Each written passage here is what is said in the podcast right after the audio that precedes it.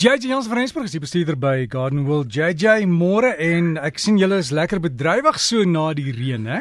Ja, nee, definitief direk en jy sê my glo nie ons gaan net meer en meer bedrywig raak want mense wil nou begin tuin maak.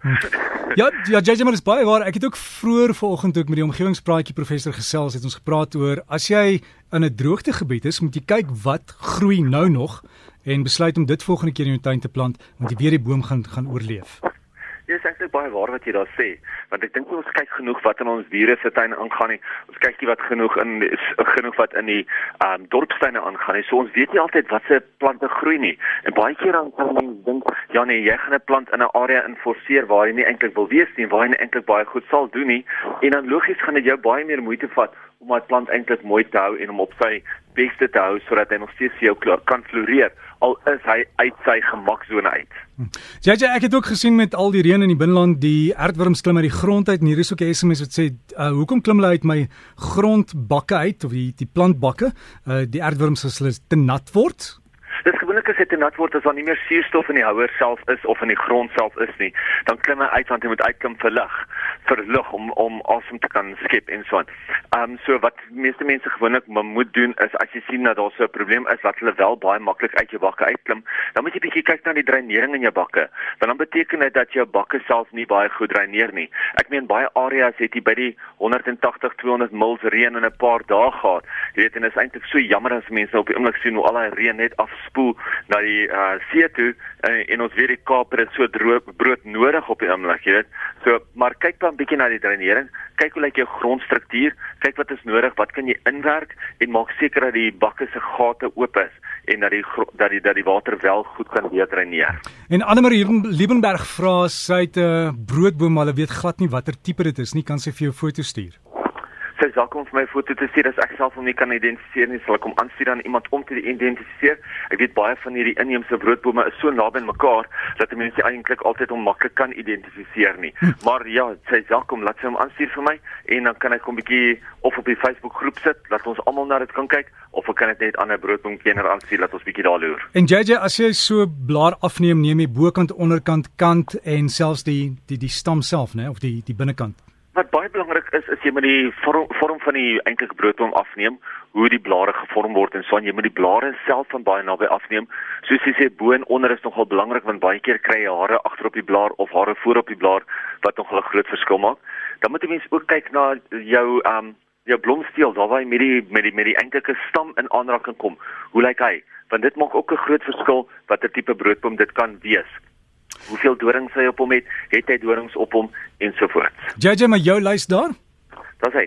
Dirk, uh, Dirk weet jy ek kry nogal baie nou deesdae die vraag wat doen 'n mens met ou gifstof? Jy weet gifstof se lewensduur is plus minus 5 jaar wat jy dit by jou kan hou. So mits jy dit in 'n baie warm area sit waar die son dit binne 'n paar dae gaan stik en brand, as jy dit ergens in 'n koel kas of so ergens in 'n motorhuis weg natuurlik van enige uh mense af wat nie weet uh, wat nie die gifstof ken of die uh gevaarlikheid daarvan ken nie, maar mense moet altyd probeer om dit ergens in 'n kas te hou waar dit so koel as moontlik kan bly.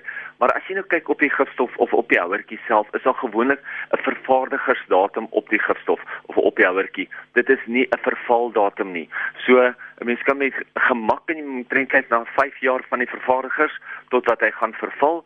En onthou, as hy verval het, moet jy hom nie net noodwendig van hom ontslaa raak onmiddellik nie. Dit beteken nie dat hy op daai 5 jaar onmiddellik gaan ophou werk nie. So wat 'n mens wel kan doen is jy kan die gifstof 'n klein bietjie sterker aanmaak en hom nog steeds gebruik vir wat jy hom altyd sou gebruik het. Die groot ding wat mense nie moet doen nie is jy kan nie daai chemikalie eenvoudig in 'n drein afgooi nie. Dit is die verkeerdste ding om te doen. So gebruik hom eerder in die tuin al het hy al 'n verval, ehm um, probeer eerder om hom effens sterker aan te maak, maar moenie net van hom ontslaa raak nie. Onthou, hy hy het nog steeds sy aktiewe bestanddeel in hom. Dan kom mense weer by kunsmisse, veral jou korrelkunsmis. Het nie regtig 'n vervaldatum nie tensy dit nat geword het. So jou kunsmis self sal nie blus as dit nie nat word nie. So as jy kunsmis het, al is hy 10 jaar oud en jy hou mooi droog en hy is daar in jou motor al nie dat ek dink dat 'n kunsmis ooit 10 jaar in jou motor wat eers of by jou huis eers moet hou nie, want jy moet hom al lank al gebruik het en dan.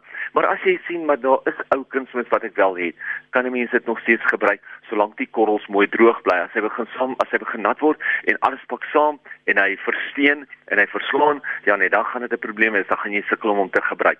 Maar as jy kyk na jou vloeibare bemestingsstowwe, hulle het nou byvoorbeeld omtrent 'n 3 jaar lak raklewe. So jy moet probeer om hulle so binne 3 jaar te gebruik.